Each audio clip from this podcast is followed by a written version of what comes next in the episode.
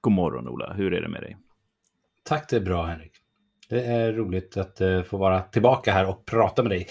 Jag känner att vi uh, börjar få en, en, bra frekvens här nu. Det var faktiskt mm. bara en vecka sedan ungefär vi hörde senast. Ja, det, det, jag tycker det känns eh, väldigt kul. Och idag ska vi prata om någonting som ligger oss båda varmt om hjärtat, nämligen eh, polariseringen i samhället mm. och i debatten. Ja, polariseringen som någon form av eh, fenomen, känns det som. Eh, det ska bli väldigt eh, spännande. Jag har ju alla svaren redan. Ja, exakt. Nej, men det, ska, det är lite, jag har tänkt på det nu när vi har pratat lite innan här, att eh, du och jag har ju, eh, tycker jag, väldigt bra samtal. Alltså det känns, ex, det känns extremt opolariserat när vi pratar med varandra. Det är nästan så att vi måste ibland eh, eh ta ut, alltså, ta ut svängarna lite grann för att, att, att, ta ut distansen lite mellan oss. Eh, det blir så väldigt lätt, du har någon sån här, du har något sätt att prata på som gör att man, man, du låter så vettig så att man håller liksom med dig. Man dras in i det, så det blir motsatsen. Så vi får väl se hur, hur vi klarar det här. Men, men du, har, du sa till mig innan här att du har ett projekt som du håller på att jobba på, eh, där du ska bli mera provocerande, men kanske inte mera polariserande. Kan du berätta lite grann om, om, vad, om vad det där är för någonting? Ja, nej men faktiskt. Det var en, en tankegång jag hade här innan. Just när vi skulle prata om polarisering. Och samtidigt så har jag en, eh, ett löfte till mig själv att bli mer provocerande. Eh, och frågan är ifall de på något vis, eh, ifall det ena kommer att leda till det andra. Och ifall det är det som i sådana fall har hindrat mig från att, eh, att använda provokation i större utsträckning som, eh, som ett medel. Men jag började resonera lite grann runt det där och fundera på vad är det med provokation då? Ja, det är någonting i det här att jag som typiskt som coach eller facilitator eller moderator eller liknande roller eh, hela tiden tänker att, min, att det jag gör är att åstadkomma ett sammanhang där alla möjliga åsikter och tankar och sånt ska kunna få komma fram. Och det, det är ju mycket av vad det handlar om.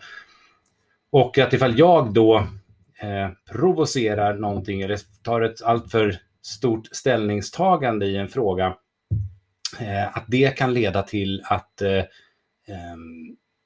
att man förstör den möjligheten. Att det skulle vara någonting i stil med att om jag, eh, att jag på något vis lägger sordin på eh, möjligheten att eh, få uttrycka sin syn på saken.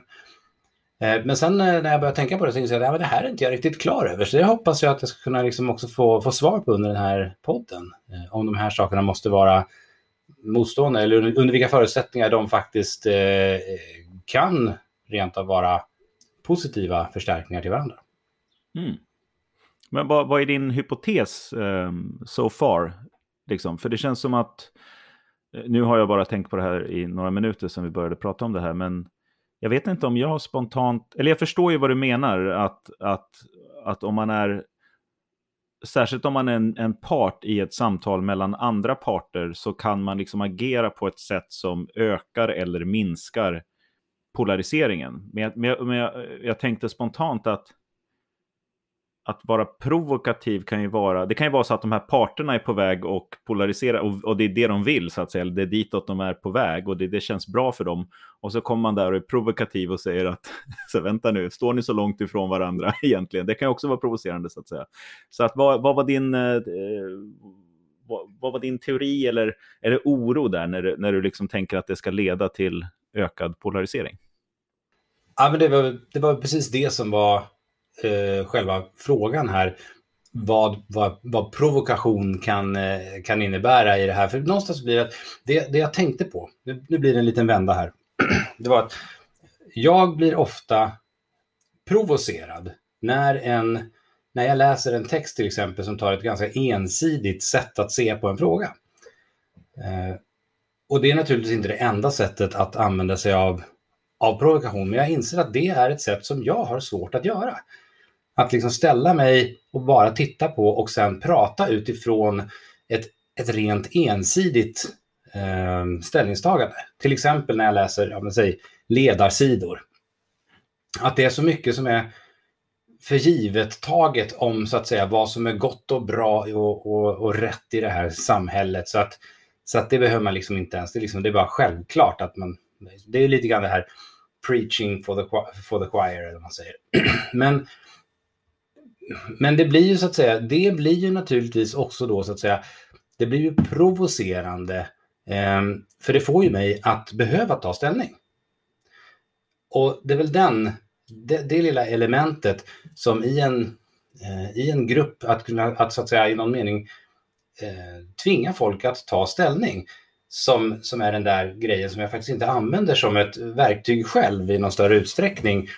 Eh, utan människor så att säga får hitta fram till, eh, till ett ställningstagande själva. Det, det är så som, det, det är liksom det grund, grundnivån, eller grundsättet som jag, som jag jobbar när jag coachar eller när jag faciliterar en grupp. Så, eh, så på så vis blir det så här, ja men eh, måste det vara så?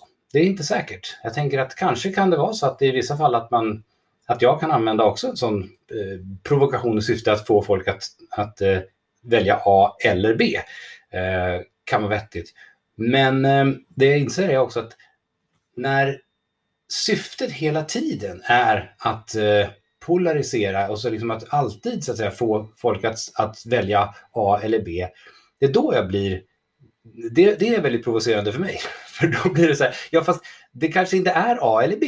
Det kanske inte är en, ett av dem. Och i synnerhet så blir det så här, någonting som jag blir väldigt provocerad av märker jag, det är det här att om du inte tycker A, hur kan du då tycka och sen så liksom ett antal andra saker som på något vis ska följa med i då att eh, i, som, som den här då, den som uttrycker det, hävdar är logiska följder av.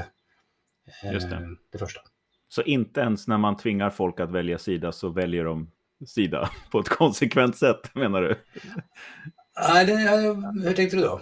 Nej, men alltså om du, du, du får dem med det provokativa, eh, du, du, provocerar fram ett ställningstagande, men sen så är folk inte konsekventa i det ställningstagandet, så att det här är någonting som liksom sen undflyr dig. Du måste hela tiden provocera tillbaks folk då i ställningstagandet, eller vad menar du? Ja. ja, någonting i den stilen. Jag tänker att Ehm, jag tror att det är lite så här att det, när vi pratar om polarisering ehm, och att göra ställningstaganden, så det är inte, jag tror att det är lite lätt att, att tänka. Och det här är liksom en, en, av de grejer som när jag har tänkt på det här inför vårt, vårt eh, prat nu, att vi tror nog lätt att det är ställningstagandet baserat till exempel på fakta, moraliska utgångspunkter, eh, logik och så vidare, att det är det som får oss att ta eh, att göra ett visst ställningstagande och därmed också ja, nej, liksom att, att sälla oss till, till, ett, eh, till, en viss, ehm, till en viss åsikt, om vi säger så. Då.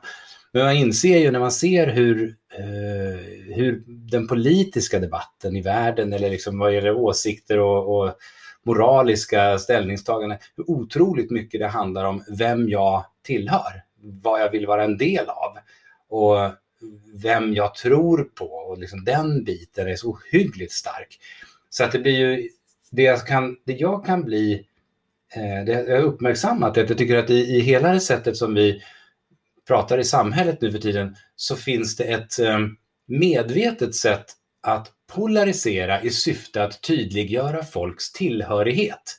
Att, liksom, att tvinga folk till ställningstagande för att liksom, i någon mening säga antingen är du med mig eller mot mig. Mm. Och där är någonting annat, för då är det en annan fråga. Det handlar inte längre om, om vad som är innehållet i argumentet eller i vad som är så att säga den, den logiska konsekvensen av en faktabas, utan det handlar ju mer om så här, vill du tillhöra mig eller, eller vill du tillhöra de där idioterna på andra sidan? Just det.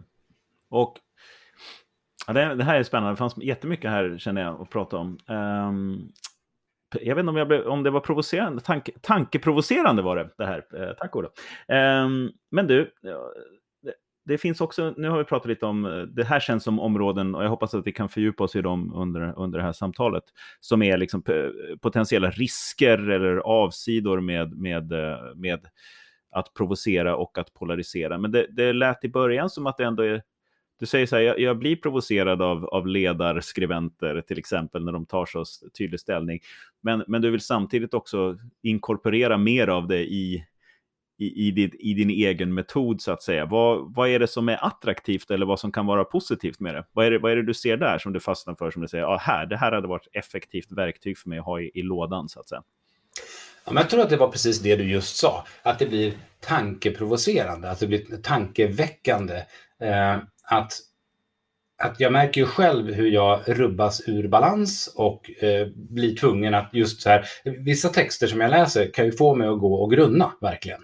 Eh, och börja, jag märker att det liksom till och med så att, att, att det börjar liksom nästan som författas ett svar i skallen på mig.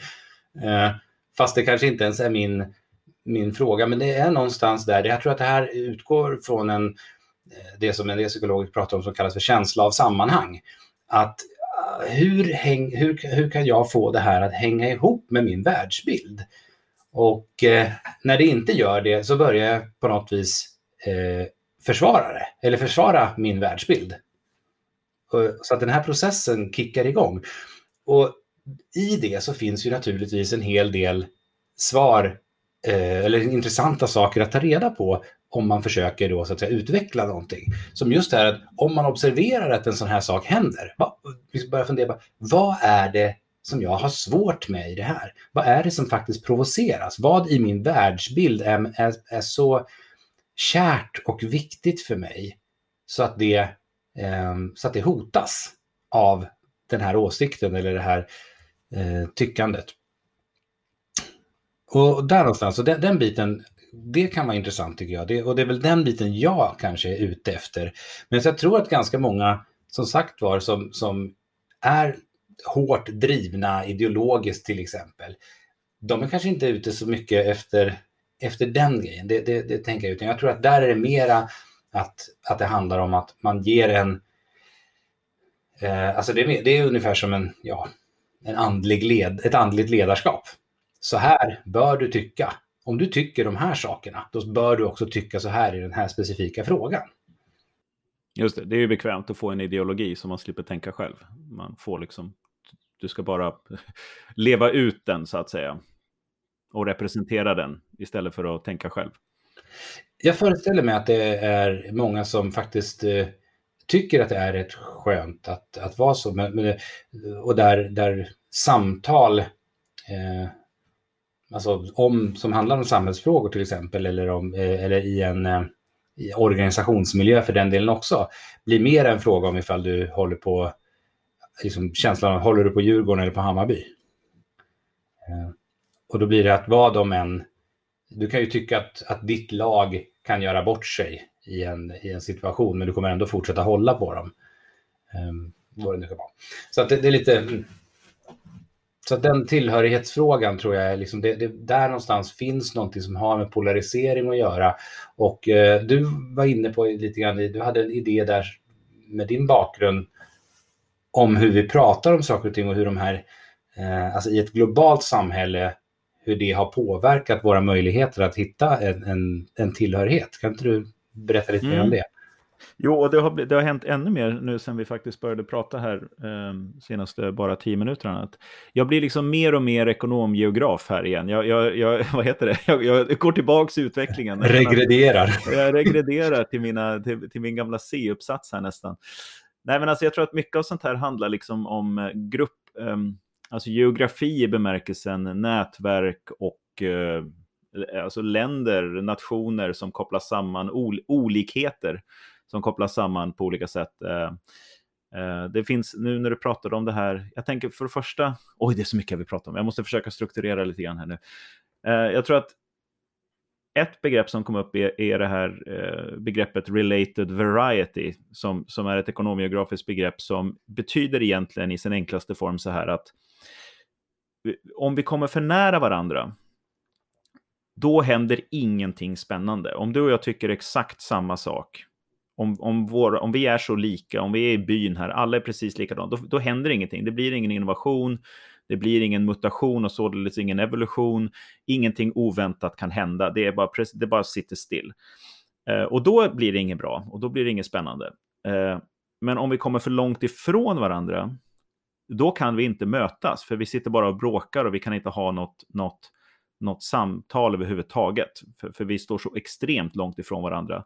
Eh, och det här är liksom som när, vi, när två samhällen som aldrig har haft kontakt och som inte pratar samma språk och som har helt olika liksom, sätt att fungera. De kan inte ha ett handelsutbyte till exempel. Eh, den ena har pengar, den andra har inte det. Det kan inte ske någon handel. Eh, och då vill, man, då vill man landa någonstans där i mitten då. Ehm, det är väldigt förutsägbart eh, ekonomi på det sättet att man ska, man ska alltid hamna i mitten. Men, och i den relaterade variansen. Så att det är så här, du och jag har spänning mellan oss, för vi tycker inte exakt samma sak och vi är inte bra på exakt samma saker och vi ser inte världen på ett, exakt samma sätt. Men vi är relaterade i våra sätt att kunna samarbeta och, eh, eh, och kommunicera med varandra, vilket gör att vi kan etablera ett utbyte. Jag undrar om, jag undrar om det inte är så att det här, den här, det här som du känner med att det finns både någonting positivt och någonting negativt i polariseringen Eh, det handlar om att det beror lite på vart du landar på den här. Det är i alla fall en dimension i det tror jag. Vart landar du i den relaterade variansen så att säga? Hamnar du för nära så blir det inget spännande och hamnar du för långt ifrån så kan inget utbyte ske heller. Um, utan du, du, måste landa någonstans i en zon där det här blir bra. Um, så, så, det var en tanke jag hade. Mm. Vad, ja, men det, ja, alltså så här, jag tror att det fick mig att tänka just den här grejen att ja, när man hamnar i ett samtal för nära varandra rent generellt så då blir det ju då blir ju upplevelsen av att man bara sitter och eh, nickar med och håller med. Och eh, det blir ju ingen dynamik. Um, och jag tänker att det, det, gäller väl för vilket samtal som helst. Och kanske är det så att om man tänker då och då så att säga vår, vår värld som i större utsträckning idag är ett, ett globalt samtal Ehm, även om naturligtvis väldigt, väldigt, väldigt många samtal som förs eh, sker i en global kontext men på ett väldigt lokalt plan.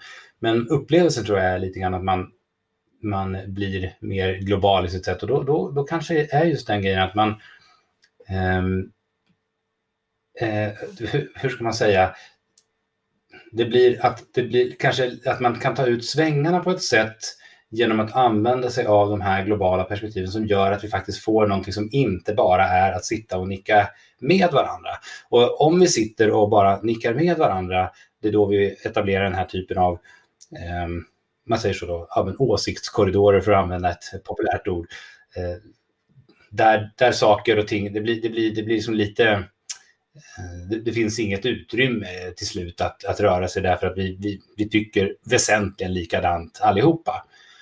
Men frågan är då, inser jag också, för det, det är någonting så här, hur... Om man inte har någon så här relaterad varians, liksom, hur, eh, hur kommer man in i det här då, så att säga? För menar någonstans, du som geograf då, eh, och just med ekonomiskt perspektiv eller liksom handel, eh, kan en, kan en sån här kan man komma in och inte ha någonting gemensamt med de här och ändå lyckas börja, eh, börja prata med dem? Eller, eller vad, vad, blir det? Måste man etablera liksom ett parallell, parallellsamhälle där, där, där vi kan sitta och, och handla eller sitta och prata eller vad vi nu gör? Ja, men typ som Kina har gjort med sina frihandelszoner, right? Jag menar, det är ju en kommunistisk eh, diktatur. Det ska liksom inte hålla på att handla med kapitalister. Uh, då skapar man liksom ett område där, okej, okay, här, här har vi andra regler, här får vi göra det. Uh, jag vet inte, det var, det var, bara, det var bara exemplet som, som poppade upp. Alltså jag, jag vet inte, det, man ska inte fastna i sådana här metaforer heller, men jag tror att um, det finns en annan modell som jag tror är relevant också. Du pratade lite grann om det här du sa tidigare, att predika för kören. Um, och jag tror att en, en, annan modell som är en, liksom en klassisk sån här, de tyska ekonomiograferna på 1800-talet. För den som är intresserad, det är där man måste börja. Eh, de, de pratade mycket om det här, de tog fram den tidiga, tidiga varianten på en eh, modell som heter distance decay-modellen, som är alltså avstånds, avståndsavtagande eh, modeller, vilket är så här i, i sin enklaste form igen då att ju längre saker är från varandra, desto mindre utbyte blir det. eh, mellan de sakerna. Det är inte så jättekonstigt egentligen. Du har mera interaktioner med folk i Uppsala än vad du har med folk i San Francisco. Eh, och, och, och, det finns anledningar till det som, är, som är, har att göra med hur du rör dig och sånt där. Och det där kan man också applicera på, eh, det visar sig att det där håller även, även om det blir liksom komplext och du skapar alla möjliga typer av av nätverk som är både liksom kopplade till din, till din omgivning, men också har noder som sticker iväg. Liksom, du och jag sitter och gör den här nu över... Du och jag sitter och gör den här podcasten nu när jag sitter i Kanada och du sitter i Sverige. Um, och det går alldeles utmärkt för oss att göra det. Och du har den här typen av, vi har mycket interaktion trots att vi är långt borta. Men man kan också ställa sig frågan så här, hur sannolikt hade det varit att du hade gjort en podcast med någon random snubbe i Kanada som du aldrig hade träffat i din... Vi har ju varit del av samma miljö tidigare och så där. Så att um, de här sakerna uh, är ganska starka och jag tror att det som händer när med sociala medier och när vi får, när, när vi får den här debatten, det är att du uppnår en kritisk massa av körer. Alltså körerna, Mark Zuckerberg säger så här att ja, vi ska sammankoppla världen, liksom. hela världen ska kopplas samman. Men, men på grund av de här distance decay-grejerna så, så sammankopplas ju inte hela världen jämt samtidigt. Det, är, det här är inte, det är inte så att sannolikheten att jag ska etablera Facebook-kontakter eh, med några personer i Australien där jag aldrig har varit och där jag knappt känner någon är ju liksom mycket lägre än att jag, än att jag alla mina friend requests de senaste fem åren är ju folk i Montreal typ. Um, så att det som händer, och det där tror jag är inte bara geografiskt utan även mentalt. Alltså om, du, om du håller på att diskutera vissa frågor och sådär så kommer du bli vänner med dem som tycker, eh, som ger dig någonting i det här. Och då kommer de körerna, förut kanske du satt och bara liksom eh, inte fick någon medhåll, inte fick någon ryggdunk, inte fick någon sån här bekräftelse på att ditt sätt att se på saken var rätt. Men nu kan du bygga ganska stora, liksom vilken galning som helst kan hitta hundra andra galningar som kan bekräfta att, så här, att det är alla andra som är galna. Um, och det här tror jag gör att polariseringen ökar och då, och då, och då händer ju den här eh, eh alltså då ökar ju gapet ännu mer och så, och så blir det mindre sammankoppling eh, eller mera sammankoppling i körerna som, till, som sen blir någon slags eh, tribes, alltså stammar som, eh, som håller på och, och krigar med varandra eh, på de här, eh, de här globala slagfälten. Menings, menings, kulturkrigen kallas väl, eh, kallar man väl det där, va? Alltså liksom att eh, men, men jag tror att, för att åt, det här var ett långt sätt då för att komma tillbaka till din ursprungliga fråga som är så här, hur kan man etablera de här grejerna? Jag tror att det märks när man sitter i en sån här grej att det här är inte så kul. Alltså man märker att det här inte blir eh, så spännande. Jag tycker det är alltid, såna här, såna här eh, eh, det är alltid någon i kören eller i triben eller i byn eller vad det nu är som känner så här att det, är ju faktiskt, det ligger faktiskt någonting i de här, det här andra perspektivet. Eh, och, eh, och, och jag tror att där får man sådana här gräns över, alltså folk som smugglar idéer över gränserna och som liksom ändå etablerar små, små underdiskussioner och sånt där. Och jag, jag, jag tror att det är det som är, vi är liksom inte gjorda för att sitta fast i de här, de flesta av oss är inte gjorda för att sitta fast i den här tycka lika, tänka lika eh, hela tiden. Så jag tror att det är det som liksom håller dynamiken i det. Um, något, något sånt tror jag. Det kanske är därför du känner också sådär, det här du känner med att du vill bli mer pro, alltså provocerande. Det kanske är ett uttryck för just det där. Du känner att du sitter fast lite grann i där du är. Um, och, och, och, du behöver göra, liksom, du behöver sparka någonting för att liksom kunna ta det till nästa nivå. Du är liksom färdig med det här som du, det har funkat hittills. Du har ju mycket framgång. Jag menar, det är inte så att någon skulle säga så här, ah, Ola är jättedålig, jättedålig coach, utan tvärtom, du har ju haft väldigt mycket framgång med det där. Och, men nu kanske du känner så här, oj, hur kan jag få, hur, det är några saker jag fortfarande liksom inte kommer fram till. Och hur får jag liksom, hur tar jag nästa steg? Så att, något sånt kanske, jag vet inte, det blev en liten utveckling där. Men... Ja, nej men det, det är du, någonting på spåren, eh, tveklöst.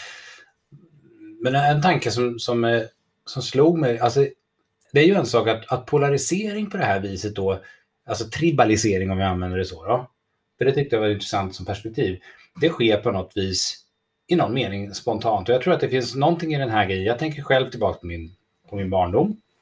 Eh, då, jag, eh, då jag själv höll på med relativt... Eh, alltså jag, jag, var ingen fotbollskille som, eh, som, som gick iväg till den lokala fotbollsplanen och, och kickade boll med alla andra grabbar i, i området, utan jag höll på med andra saker som till exempel att jag eh, spelade rollspel och byggde plastmodeller och lyssnade på indiepop. Och på det viset så, så stack jag ju ut i, eh, eh, i den här lilla stan Kumla där jag växte upp. Men det blir ju också lite grann så att säga, då, då blir det en av konsekvenserna där att man får ta lite vad man får i vilka de övriga är som har de här intressena.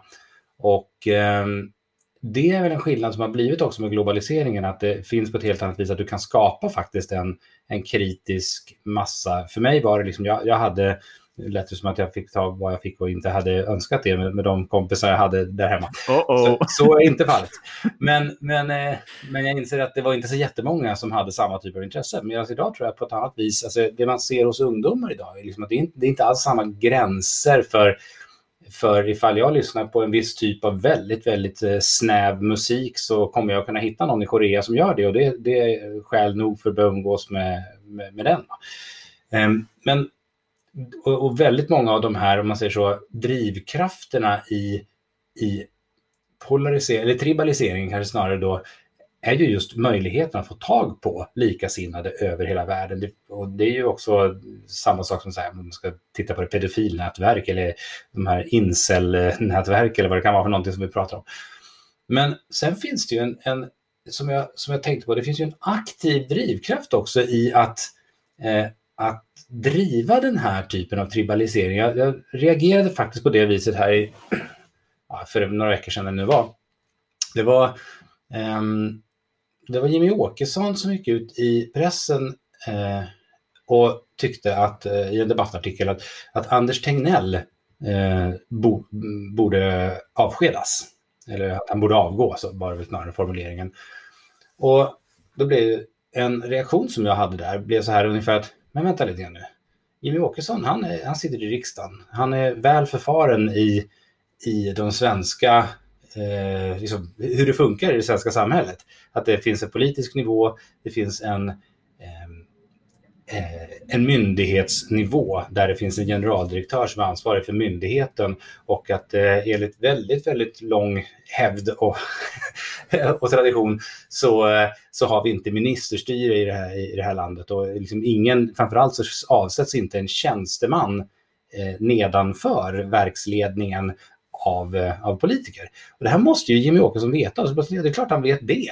Eh, men varför säger han då det här? Och då inser jag så här, ja men det här var ju en väldigt medveten eh, strategi i, för polarisering eller tribalisering. Nämligen det att knyta all, in alla de som, som är negativt inställda då till, till Sveriges nuvarande politik i, i pandemihänseende till att bli så att säga, alltså förstärka deras känsla av att eh, den allmänna miss, misspeppen mot, eh, mot myndigheter och politiker.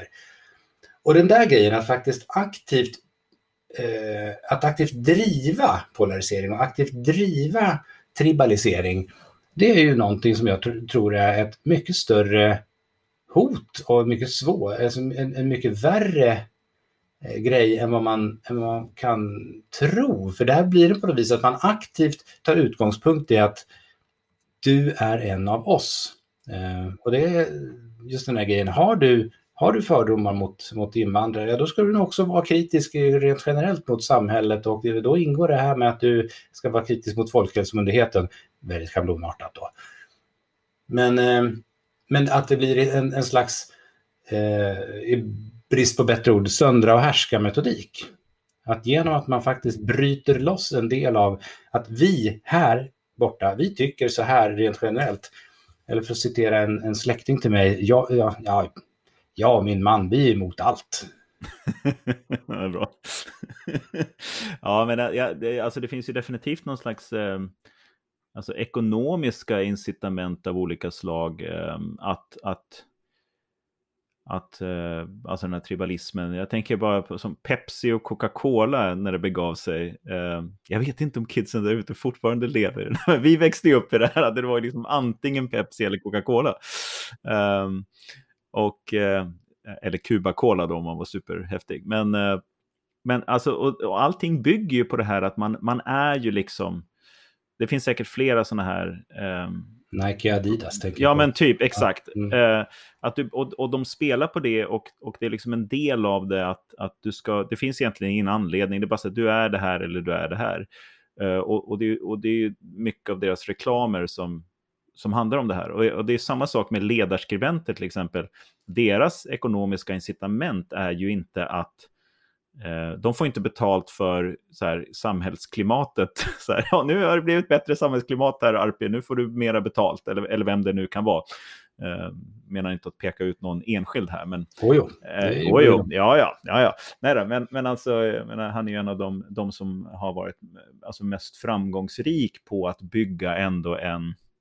Folk kallar det här en svans, men liksom en följarskara. Han liksom, eh, det finns ju flera sådana här som drar det till olika grad av, av eh, till sin spets, på, alltså olika långt, olika spetsigt så att säga. Vi har de här, vad heter han då, politikern? Hanif, eh, Hanif Bali, mm, som är en sån här eh, superstor på Twitter och som, och de driver den här, det, alltså det, politiskt är det ju i princip samma sak, alltså det är inte så stor skillnad på att få betalt per klick eller bli vald per röst. Det är ju egentligen exakt samma sak. En, någon konsument där ute behöver göra en grej och då får du betalt.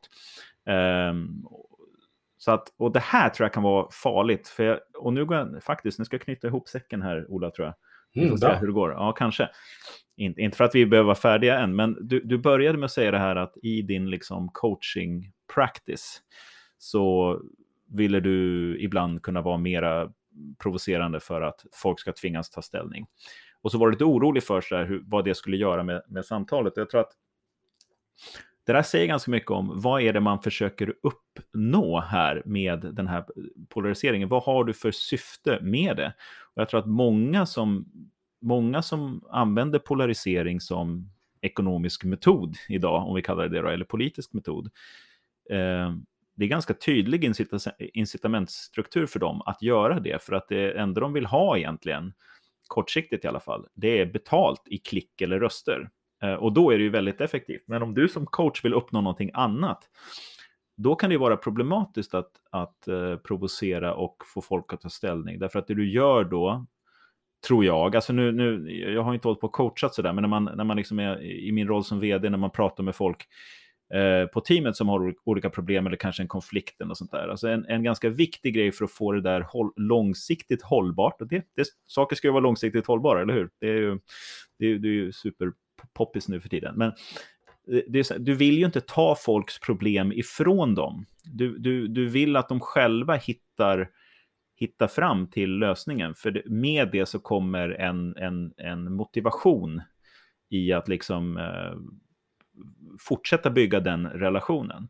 Och även om du upplevt det så med coachning också, att om du på något sätt kommer in för tydligt i det där, och då tar du problemet du tar lösningen från de som behöver komma fram till lösningen. Och det här kan du göra när du provocerar, att du liksom du tvingar in i ett ställningstagande som de inte hade landat i ett främmande ställningstagande.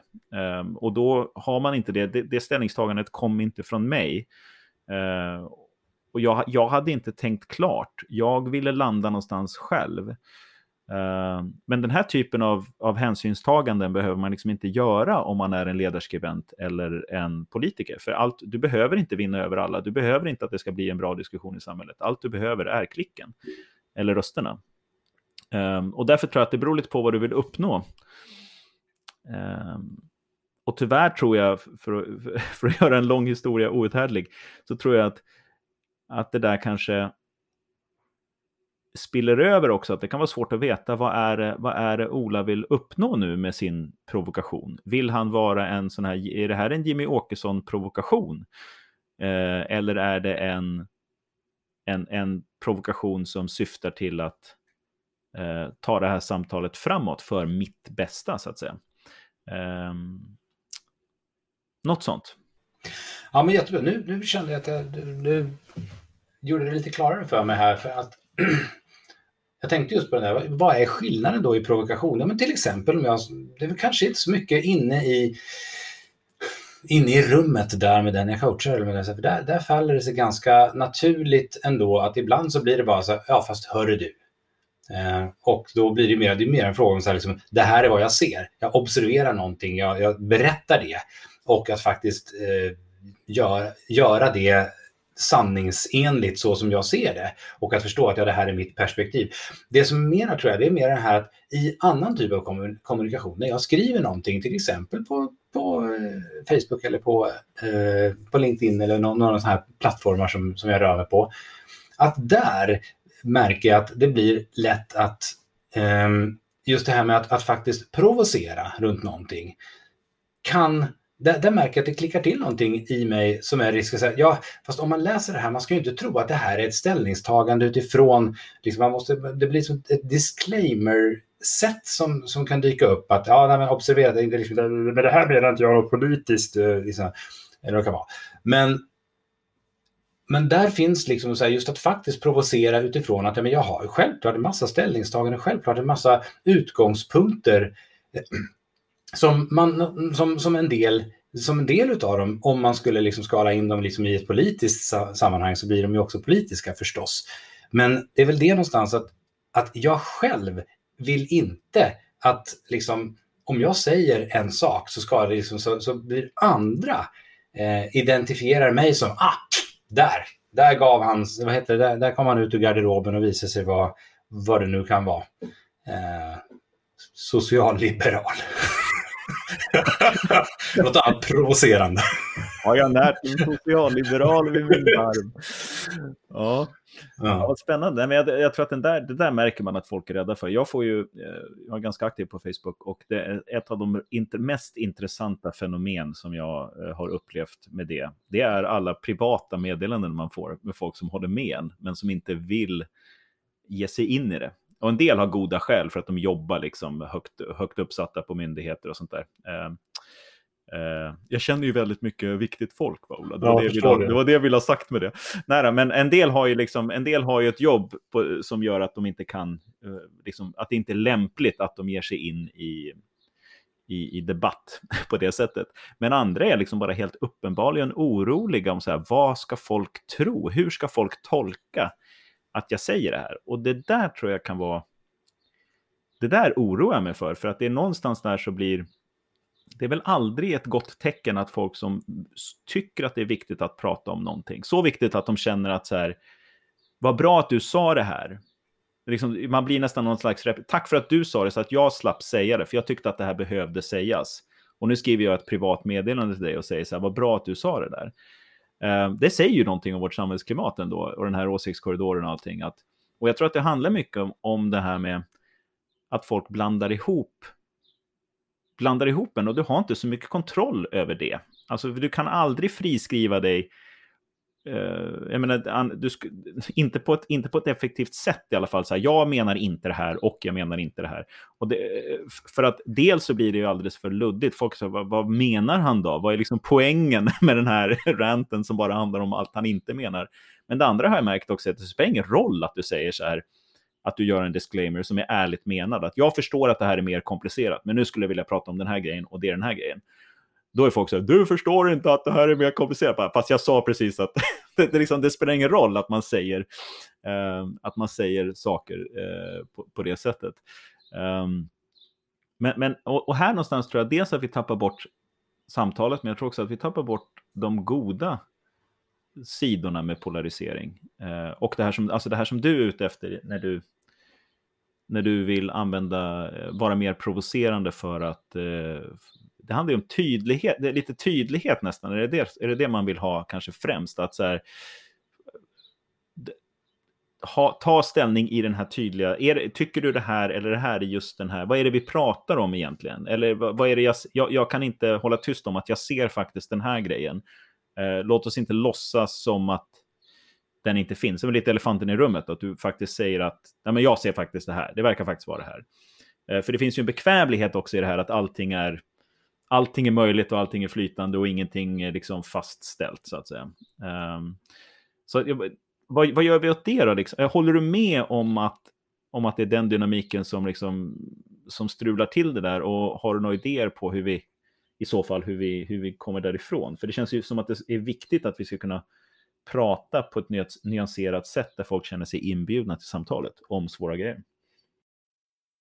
Ja, alltså så här. Eh, för mig är det ju en, en, fråga om, alltså vi pratade ju om det i förra avsnittet också, om just här att kunna prata om svåra grejer. Och eh, jag tror att det finns någonting med det här med eh, att det första man måste göra är att etablera ett, en relation med dem man pratar med som är väldigt tydlig att jag är bland vänner. Alltså så här, vi, vi vill varandra väl. Det jag säger här är i syfte att bygga upp, i syfte att liksom, inte att förhäva mig själv och liksom, hur ska man säga, eh, i synnerhet kanske inte, för det här är också en väldigt central grej.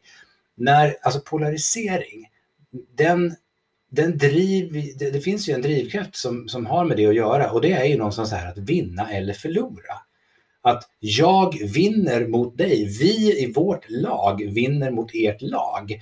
Och det är ju oerhört svårt eh, att kombinera med, med möjligheten att faktiskt hitta en gemensam väg framåt. Och ju hårdare den polariseringen är, så det blir ju tydligt när, när vi pratar om till exempel USA och, och liksom en allt starkare polariseringen mellan två politiska läger.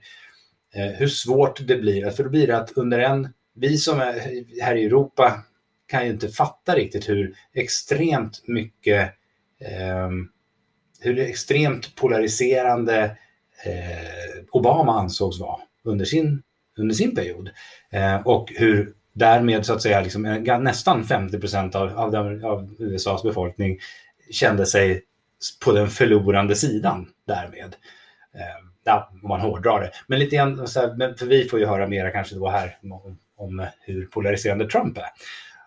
Men, men det är någonstans där att just att kunna, att kunna komma förbi den där, liksom att nej, jag vill inte genom det jag säger eller tycker eller tänker, liksom så här, vill jag inte sälla mig till ett läger. Jag vill föra fram, jag vill provocera genom att säga att det här kan vara en tanke, det här är någonting eh, som, som kan få eh, som kan få dig att tänka på ett nytt sätt, att sätta saker i ett nytt perspektiv, att förflytta dig upp till en ny position och kolla på en fråga som annars just ser ut att vara en, en bipolär, det lät konstigt, men en, en, en dipolär heter det då.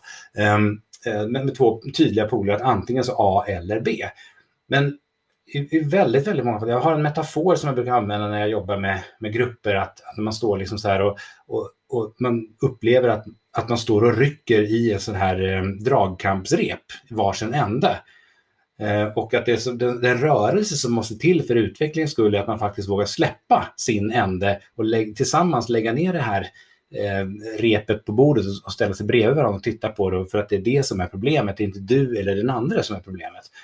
Och det är väl någonstans där att i de här miljöerna som är framförallt på nätet, i de sociala mediernas värld, i synnerhet Twitter tror jag, eh, där väldigt stor del av vår samhällsutvecklande dialog faktiskt försiggår. Där är klimatet, det utgår ifrån att, att den andra inte vill dig väl. Det, det, det, är väl det på något vis. Och det blir ohyggligt liksom stora svängningar från det att du är verkligen en, en, en eh, oerhört populär eller liksom uppskattad eller åtminstone i alla fall inte o, någorlunda liksom, inte oomtyckt person till att folk bara så här totalt rasar ner i, eh, i hålet. Och liksom det är små, små eh, små, små eh, skillnader. I, liksom, det kan vara en grej du har sagt, en grej du har gjort och sen så plötsligt så är du där. Um, och det är ju i, i många fall naturligtvis helt befogat, men, men det blir mer så här, om man tar en sån grej som Alexander Bard som nu har eh, liksom blivit, som det heter, deplattformerad eh, från TV4, så är det ju en, eh, en person som under väldigt lång tid har sagt sådana här saker. Men någonstans blir det så här, precis faller över, liksom så här, precis säger en sak för mycket.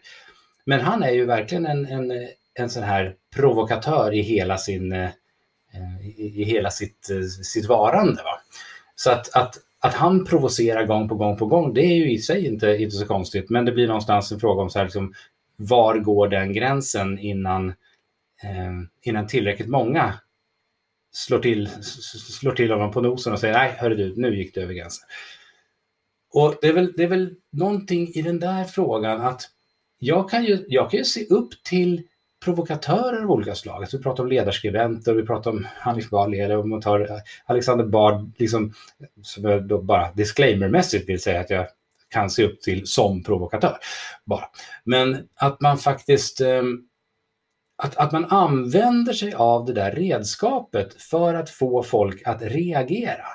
Eh, och eh, därmed så att säga skapa ett samtal, att liksom spinna ett samtal kring att man tycker någonting som är kanske extremt eller ganska långt ut och, och formulera det på ett sätt som blir väldigt, um, um, väldigt tydligt i ett läger och inte i det andra. Um, och det är väl där någonstans, där, har man en, där, där finns en energi. Det är liksom att, att verkligen så ställa sig i ena änden och dra hela fältet ditåt och ställa, ställa sig högt upp på, på, någon, på en plats och liksom bara skrika här är jag. Eh, ni andra är idioter. och, och, och, och, det är väl den, den grejen som jag kan tycka blir lite så här, det finns ju självklart någonting i det, annars skulle det inte, annars skulle det inte eh, de här sociala medieplattformarna fostra den typen av grejer. För det är många sådana som, som genom att vara så otroligt, liksom, vad ska man kalla det, ensidiga, enkelspåriga, så får de också folk som hakar på dem, kanske just därför att de presenterar väldigt enkla lösningar till väldigt komplexa problem i många fall. Mm. Jag tror att det kan vara svårt också för folk att, um, alltså den här typen av personer, man får ju feedback, eller feedback, du får en typ av feedback um, på sociala medier när du uttrycker det på olika sätt. Det här, det, jag menar, eh, jag har hållit på och experimenterat lite grann med det där på både Twitter och Facebook med liksom så här hur, det är ju intressant att se när man, när någonting man, när någonting man delar delas vidare liksom och, och, går viralt så att säga. Eh, det, det, händer ju inte särskilt ofta, men när det händer så är det ett intressant fenomen. Eh, vad, är det som, vad är det för någonting som, som, som, kan, som har de här komponenterna? Och jag tror att många av de här som liksom lever sina liv på Twitter och som har det som en del av sin, sitt varumärke eller sitt personliga varumärke eller, eller liksom, så, sin plattform och som är direkt kopplat till ja, liksom jobbet på det sättet, eller sin karriär eh, som bard och, och, och, och Bali och alla de här. Nu har vi bara, det finns ju gott om de här på vänsterkanten också så att säga, men, men vi tar dem som exempel.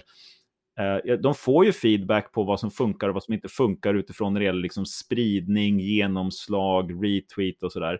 Men, men det som är särskilt svårt på, så här, på Twitter är det väldigt svårt. Det är att du sitter och pratar med en massa olika publik hela tiden du vet ju inte riktigt vilken, vilken grupp det här blev. Och, och jag tror att det kan bli ganska svårt att navigera det där. Jag tror att man kan tappa bort sig i det. Uh, och jag tror att det blir liksom, faran är att det blir en, att det är bara det du optimerar för. Och här någonstans tror jag att folk tappar bort sig. Jag tror att, eh, du, jag känner inte Alexander Bard, jag har ingen aning om hur han tänkte med sin senaste tweet här. Det är möjligt att allting bara var ett utstuderat liksom marketing eh, mar, mar, vad heter det? varumärkesbyggande. Det är mycket möjligt att det liksom var, ja titta nu, jag blev avplattformerad, nu är jag martyr här. Han kan säkert få hur mycket likes som helst på det. För jag har redan sett en massa liksom, artiklar, eller vad heter det, eh, inlägg på sociala medier som handlar om, ja kolla här nu liksom hur, hur, hur, vad som händer i vårt samhälle, man får inte säga någonting. Men om man, om man tar ett steg tillbaka och går tillbaka till det här, vad var syftet? Liksom? jag tror att det kan vara en god, en god, eh, liksom ett gott verktyg för att, en användbar metod för att värdera olika typer av polariserande inlägg. Alltså var det tankeprovocerande? Försökte det väcka, har vi slumrat till här? Finns det någonting här nu som vi liksom inte riktigt har har förstått, som vi behöver, va, vi behöver väckas ur någon slags eh, sån här tankeslummer här. Bara, nej, det var bara liksom mobbning. Eh, alltså så tolkar jag det personligen. Jag tänker att det här var bara så här, som om jag kommer in och bara säger så här, Ola, fan vad dum i huvudet du är. Här, nu fick du tänka lite. Det så här, nej, vadå? Det, här, det, det hjälpte liksom inte. Uh, och, och, jag försökte sitta och tänka så här, vänta nu, vad är det han är ute efter? Är han ute efter liksom det här med identitetspolitiken, att det är dumt att dela in folk i liksom svarta och vita? Är han ute efter det här med liksom eget ansvarstagande? Och så här, vänta nu, hjälpte det här någon på något sätt att komma ur någonting? Nej, det hjälpte inte någon överhuvudtaget. Det var bara en jävligt dryg, elak mobbar-tweet. Och det var det det var. Och, och här tror jag är problemet att det här går att det här går nog faktiskt att bedöma, men folk gör inte det. Utan folk bara säger ja, hans, han sa så här får man inte säga i det här landet. Men det kanske är ganska bra att man inte får, att det finns gränser för eh, vilka, eh, vilka typer av beteenden som, eh, som privata aktörer och andra offentliga aktörer ställer sig bakom och sponsrar. Det är liksom, om, om jag hade en plattform som gick ut på att jag sitter och säger så här, Ola är dum i huvudet, och jag fick betalt av någon för det. Jag menar, det är ju faktiskt problematiskt. Och det har ingenting med yttrandefriheten och sånt där att göra, utan jag kan liksom inte bete mig hur som helst. Um, så jag tror inte man ska blanda ihop de där grejerna. Jag tror att man faktiskt kan sitta och titta på så här, ja, hjälpte det här eller inte? Det där tyckte jag var en väldigt bra formulering faktiskt, alltså som, som, som utgångspunkt. Hjälper det här någon? Eh, för det, är väl, det, det blir faktiskt nästan lite svaret på min ursprungliga fråga där.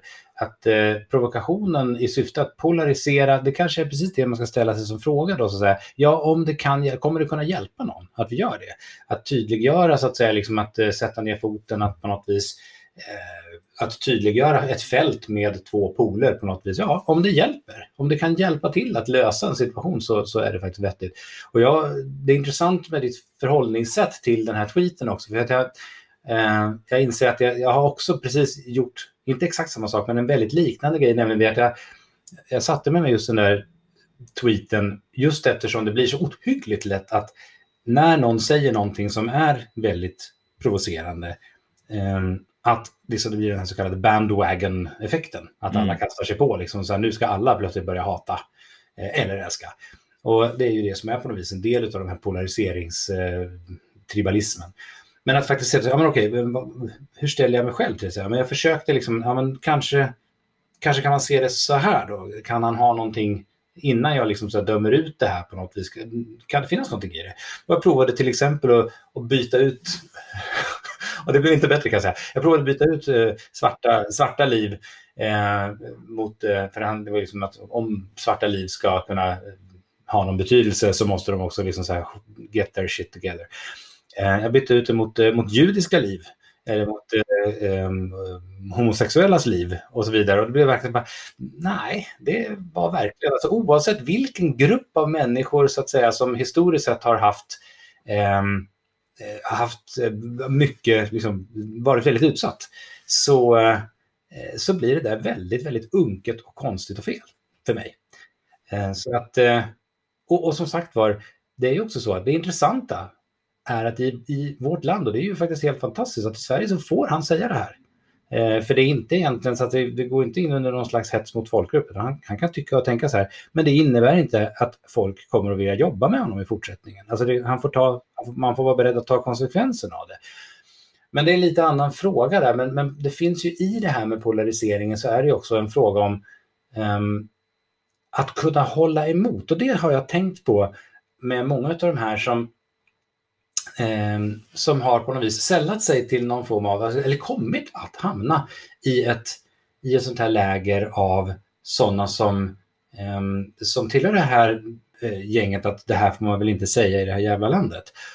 Eh, och en del av dem kan jag uppleva Liksom, de får en tillfredsställelse eller liksom en, en slags bekräftelse, det stillar deras bekräftelsebehov att de är där. Eh, därför att eh, det är lättare att liksom få den bekräftelsen där borta i det hörnet, därför att den är ofta mer högljudd också, än ifall man skulle liksom fortsätta att liksom försöka föra fram den här, eh, den här diskussionen, eller liksom de här synpunkterna, de här synsätten i det, liksom, i det allmänna, i det stora offentliga rummet om man säger så. Då. Men där tror jag att det finns faktiskt någonting för, för oss som vill ha en fortsatt, en fortsatt livaktig och inte, om man säger så, inte, inte trång dialog. Att faktiskt hjälpa den typen, nu, nu kom det upp en massa namn här men jag ska inte nämna dem, men liksom det finns ett antal personer som, som det blir lite grann att just det här för att de associerar sig med då till exempel andra i den här gruppen så plötsligt så börjar man klassificera in dem som att de skulle vara det. Men att man faktiskt, att vi försöker föra en fortsatt bra dialog med dem så att de inte sätter sig där borta i det hörnet. För det är så som vi skapar i någon mening terrorister. Eh, alltså då, det här är personer som i och med att de är ju röststarka, de är inte dumma i huvudet, de har mycket eh, perspektiv som skulle kunna vara vettiga. Men vi måste också vara beredda att, eh, hur ska man säga, eh, att dels tror jag, och det här är väl två viktiga bitar i det, den ena är att att, att, att orka lyssna på det fast det är någonting som är helt åt skogen. Ehm, men också att på ett ehm, att skapa ett klimat där det faktiskt blir så att jag kan säga till dig att nej men det där tycker jag verkligen inte. Och det, tycker jag, och det innebär inte att du är en dålig människa. Ehm, men jag tycker att du har helt fel och du har ingenting så att säga att, att gå på. Men att, eh, för det här ser jag ju att det går att åstadkomma i, i grupper som jag jobbar med man faktiskt åstadkommer det där det blir att jag är, jag är bland vänner, jag är i ett sammanhang där jag kan säga de här sakerna och då får de andra säga att nej men det där håller jag inte med om. Men det innebär inte att min respekt för dig minskar, att du tycker så. Ja, det där tror jag är jätte, jätteviktigt och jag tänkte faktiskt, nu kanske jag blir avplattformad här då, men jag tycker att man ska kunna tycka både så här att eh, att jag tyckte den här Bard-tweeten här nu, jag tyckte det var ett, ett, misstag. Jag tycker han ska äga det. Jag tycker det var liksom, ibland måste man inse så här, oj shit, där gick jag över gränsen och det här var fel och uh, stå för det, äga det. Att bara så här, och särskilt om man liksom, när det går åt mobbningshållet, då tycker jag faktiskt att man, då tycker jag att man ska bara step it up och liksom be om ursäkt när man gör illa människor. Eh, men, men samtidigt så tycker inte jag att Eh, Eh, jag, jag har full, res, full respekt för Alexander Bard på samma sätt som jag har för alla människor. Alltså, jag, jag tycker det, det, är alldeles för lätt att bli så här eh, persona non grata liksom i, i, i, eh, i vårt land och vårt samhälle. Liksom. Och det, det tycker jag är farligt. Och det, det går tillbaka till det som du säger, att vi måste ju kunna leva med varandra. Och jag tror inte vi ska helt avfärda nyttan en sån här, en sån här sak har. Alltså att vi faktiskt lär oss lite grann vart gränserna går. Jag tänker på många komiker och sånt där. Det är liksom lite deras roll att, att, att dansa på gränserna hela tiden. Så här, vad, vad, är så här, vad får man skämta om egentligen? Vad får man inte skämta om? Jag tror att det här är nytt. Det här är någonting som vi alla drar nytta av. Att vi har några sådana här dårar som är ute i minfälten och liksom hoppar runt. Så inte vi behöver göra det här. Och jag tror att vi ska förstå att även en sån som Alexander Bard Uh, och det här kan jag förstå om folk blir provocerade av, men alltså, jag tror att han fyller en funktion. Och jag tror att det är, det, är ett, det är ett kvalitetstecken på ett samhälle att du kan ha folk som beter sig som rövhattar utan att de blir slängda i fängelse eller, liksom, uh, eller mördade eller vad det nu är. Jag tror att det, jag tror att det är nyttigt liksom att, att, uh, att hålla en slags...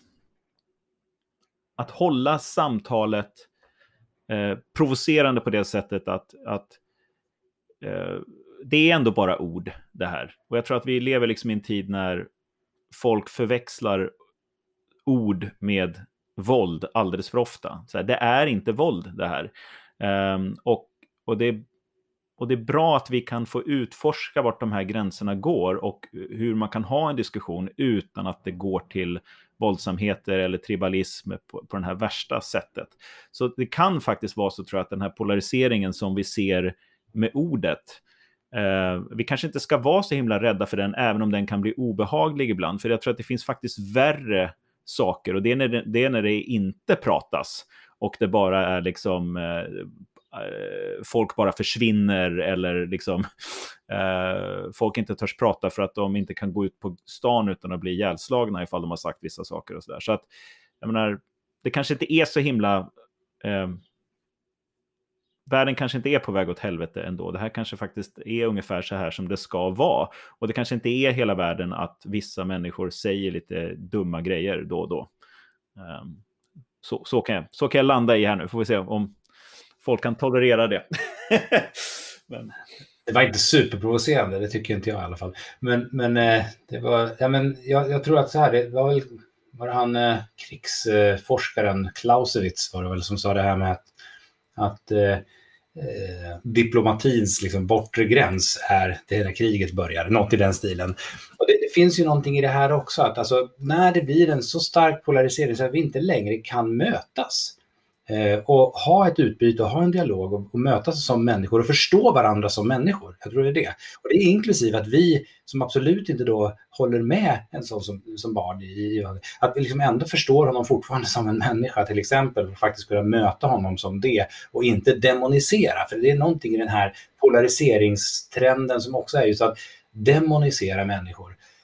Um, och, och å andra sidan så kan man väl säga så här att ja, om, om alla de som är så att säga liksom de, de mest ljudstarka i, i, i rummet hela tiden är de som har den här typen av extrema och mobbande tendenser och så i, i det här stora klassrummet. Liksom. Så, så måste man ju också då eh, kunna hantera, hantera det så att det faktiskt inte bara är precis de där som alltid hörs och syns och märks.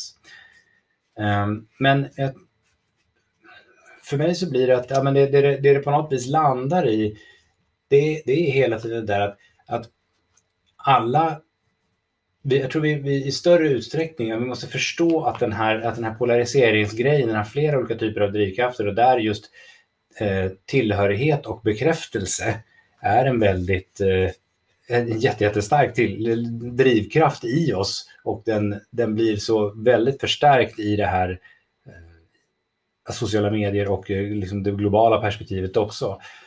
Och att eh, vi, vi som har orken och den mentala styrkan att faktiskt hela tiden föra tillbaka dialogen till, till någon form av så här, liksom att hela tiden peka på common ground och jobba med det så att man faktiskt kan komma vidare. För vi som samhälle så överlever vi inte hur länge som helst ifall alla står i varsitt hörn. Nej. Eh, det, det finns saker som vi måste lö lösa liksom inne i, i mitten av spelplanen. Så um, det här är en, det, är en det, det, var många intressanta perspektiv på det. Jag känner att så här, vi, kan, vi kan fylla ett par avsnitt till. Ja, vi får se hur vi, vart vi landar. Men jag tyckte det du sa på slutet nu var, var fint. Alltså den här, ehm, och det går tillbaks på, om det är sant att det finns vissa av oss som Eh, vår roll i det här är att eh, föra folk samman och, och liksom eh, koppla ihop fiender med varandra och eh, försöka hitta utvägar och liksom föra ett gott samtal.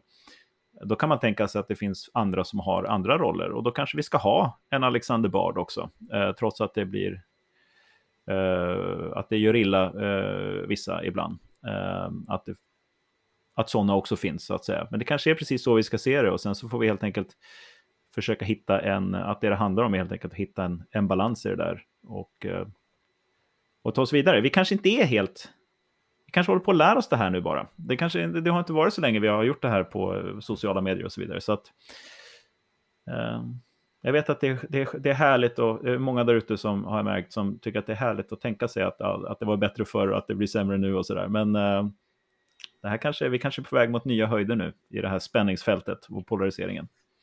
Mm. Ja, det är en spännande tanke. Jag tror att det ligger mycket i det du säger, att vi, vi lär oss nog väldigt mycket varje dag här i, i eh, att navigera i det här. Och eh, nu har vi väl kommit över de första mm, de, de, liksom, vi har sett både fram och baksidor och nu kommer vi nog till en slags lärandeperiod. Jag tror faktiskt det.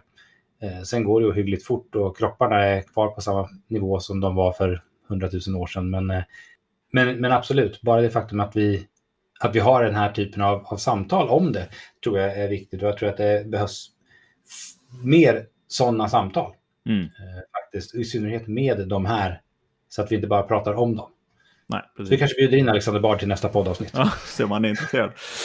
uh, vad bra. Uh, hör du, uh, tack Ola det här var lika kul som vanligt, tycker jag. Ja, det var det. Tack så mycket. Du får spela in gingen den här gången. Ja, just det. Gör det. Det blir på kazoo. Ja, det blir bra. Okay. ha det bra. Tack för idag. Hej då. Detsamma. Hej.